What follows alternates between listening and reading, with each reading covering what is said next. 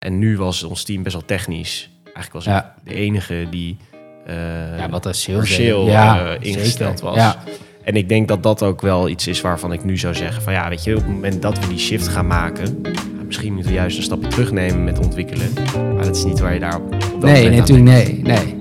De wereld van B2B-marketing verandert snel, maar toch wil je op de hoogte blijven. In Wijze Woorden, de podcast, bespreken de consultants van Wijs specifieke uitdagingen en kansen van marketing voor B2B-bedrijven. Verwacht elke aflevering in 15 minuten praktische tips en inzichten van verschillende gasten. Of je nu startend bent of al jaren actief binnen de B2B-sector, deze podcast is de perfecte bron van inspiratie. Welkom bij een nieuwe aflevering van Wijze Woorden. En eh, vandaag in de podcast Sam, Sam van Houten, founder van Kiwi.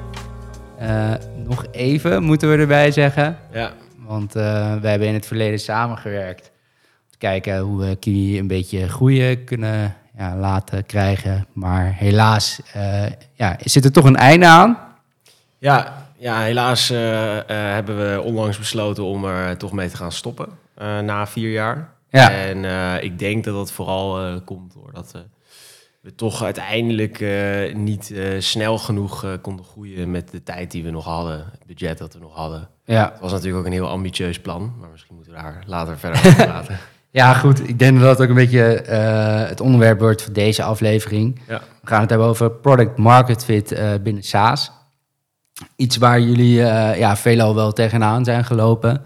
We hebben wel eh, van allerlei dingen geprobeerd. Ik denk dat we ook wel echt wel op het goede spoor eh zat. Maar ja, de tijd heeft eh, je toch een beetje ingehaald, eh, denk ik. Ja, nee, zeker. Zowel de tijd als het budget. En ik denk dat het heel interessant is geweest wat we allemaal hebben kunnen doen binnen Ja, die precies. tijd en met Ja. dat budget. Ja. En daar heel veel hebben geleerd en geprobeerd en inderdaad heel dichtbij zijn gekomen. Ja. Ja. Laten we beginnen met Kiwi. Wat, wat, wat is Kiwi en wat is het voor SaaS-product? Nou, Kiwi is begonnen eigenlijk als een analyse-tool voor marketing-specialisten, eh, Ja. specifiek SEO-specialisten, om hen uit te leggen hoe men zoekt eh, naar producten, diensten, eh, websites. En wat ik daarmee bedoel is eigenlijk dat je met Kiwi inzicht kreeg in welke verschillende zoekwoorden mensen gebruiken, eh, wat die zoekwoorden eigenlijk in de ogen van de zoekmachine betekenen. Dus welke intentie iemand heeft als hij dat intypt. En als je dat in beeld brengt voor jouw producten of diensten of voor de onderwerpen waar je over praat, dan ehm, kun je daar beter op inspelen. Dus dan kan je, Ja. kan je een beter eh, contentstrategie toepassen. Eh, en dan heb ik het eigenlijk specifiek over de content op je website. Eh, Ja. Dus ga je schrijven over alle onderwerpen die gerelateerd zijn aan jouw product bijvoorbeeld. waar je heel duidelijk aan de zoekmachine gaat laten zien dat jij daar heel veel van, van, van snapt. En ook de juiste aansluiting hebt bij het zoekgedrag. Als je dat goed doet, dan kom je hoger op in Google. En vandaar zijn we eigenlijk gaan schuiven naar eh, de MKB-doelgroep. Eh, omdat we zagen dat we nog meer impact konden hebben eh, door meer waarde toe te voegen na die analyse. En heel kort gezegd hebben we daar besloten om te kijken of we suggesties konden doen voor MKB'ers. Eh, waar ze content over moesten schrijven. Dus dat is nog een stap verder dan de, de, de analyse was. Ja. Eh, waarbij het echt zo specifiek mogelijk maakt en zegt: Oké, eh, hierover moet je schrijven. En bovendien, we hebben al de helft voor je klaargezet. Dus je hoeft het alleen nog maar te personaliseren. Het is nu een, een soort van skelet. Maak het af en zet het op je site. En als we dan even teruggaan naar... Kijk, jullie hebben je eerst gefocust op die SEO-specialisten. Wat was het punt dat jullie dachten... oké, nu gaan we die shift maken naar het MKB? Was er te weinig behoefte uiteindelijk? Of hoe moet ik dat voor me zien? Nee, ik denk dat het vooral twee redenen waren. Eén, eh, ik, dus de, het ging eh, daar best goed met het vinden van klanten. Eh, maar het waren wel hele specifieke klanten. Dus de niche was best wel klein. Ja, Ehm, dus daar zaten we eigenlijk meer tegen het punt aan te lopen van ja, wie worden dan de volgende 20 klanten? ja zo. Ehm, en daarnaast spraken we eigenlijk met best wel veel eh, mensen die niet specialist waren, die meer generalist waren. En die vroegen zich best wel vaak af, kunnen wij niet jullie tool gebruiken? Ja, Dus er kwam eigenlijk een vraag naar ons eh, toe eh, van, hey, ik ben op zoek naar zoiets en ik heb goede dingen Ja. erover gehoord. Eh, kunnen jullie ons daarin helpen? nou ja, beste validatie ooit dan, denk ik, toch? Dat de, vraag is en jullie kunnen dat dan ja, behartigen uiteindelijk. Ja, dat zou ik ook denken. Ehm, toch ben ik altijd een beetje kritisch. Heel goed. En eh, mensen kunnen natuurlijk heel erg zeggen dat ze hier naar op zoek zijn. Ja, Maar pas als ze gaan betalen is het bevestiging dat ze dat ook bereid zijn om, eh, ja. om het te gaan gebruiken. En ik denk dat daar de crux ook zat uiteindelijk. Want toen wij met Wijs jullie gingen helpen, toen was de focus op het MKB uiteindelijk. Ja, Dus we hebben die DMU hebben we een beetje uitgestippeld. En eigenlijk kwamen er al snel twee functietitels naar boven. Enerzijds was dat een copywriter. eh anderzijds was dat de marketingmanager. Eh en als ik het goed herinner, zijn we begonnen eigenlijk met die copywriter... om te kijken van waar zit de behoefte? Zit daar de behoefte en wil die dan betalend klant worden? klopt. En kan je eens vertellen hoe we dat validatieproces uiteindelijk eh, in zijn gegaan? Nou ja, we hadden dus, zoals ik al zei, best wel een eh, minimaal budget. Dus Ja. waar je normaal gesproken misschien eh, een, een team neerzet eh, om gewoon de hele dag te gaan bellen. Dat dat toch wel de snelste validatie is. Ja. Ehm, zijn wij op zoek gegaan naar een andere manier met jullie hulp.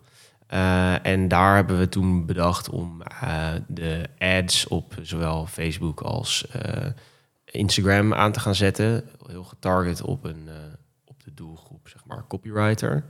Ehm, en om daar te kijken of we in ieder geval reactie kregen op wat we aanzetten in de advertentie. Ja, En daar ehm, naast waren we ook bezig met eh, LinkedIn. ja. Eh, en op LinkedIn probeerden we eigenlijk geautomatiseerd eh, diezelfde doelgroep Ja. te targeten.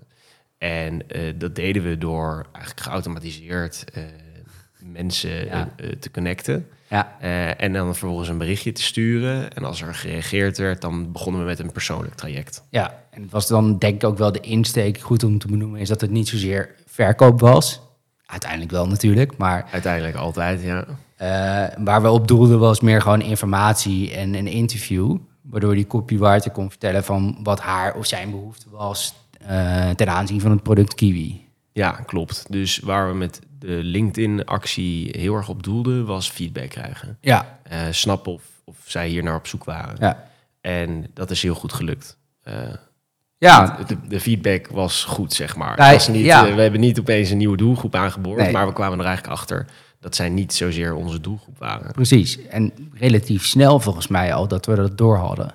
Ja, ja dus eh, heel veel reacties van de eh, copywriters waren gewoon, nou, ik, ik schrijf eh, altijd wat ik krijg en dat gaat eigenlijk wel goed. Ja, En we zagen daar eerder dat bij hen een probleem was dat ze niet altijd een volledig nette briefing kregen Nee. van, van, hun, Ja. van degene die hun aan het werk zetten.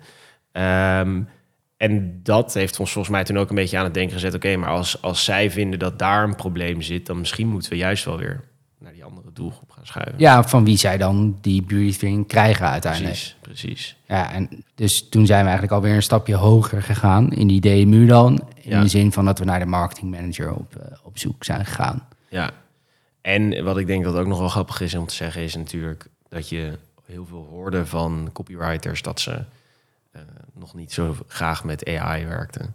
Ehm, dus Nee, zij zeiden eigenlijk, Ja. ik vind het gewoon leuk om te schrijven. En als je tegen iemand gaat zeggen die gewoon iets leuk vindt dat het efficiënter kan, ja, dat willen ze eigenlijk niet horen. nee, er is te veel weerstand dan om dat helemaal te gaan omvormen uiteindelijk, denk ik ook wel. Klopt.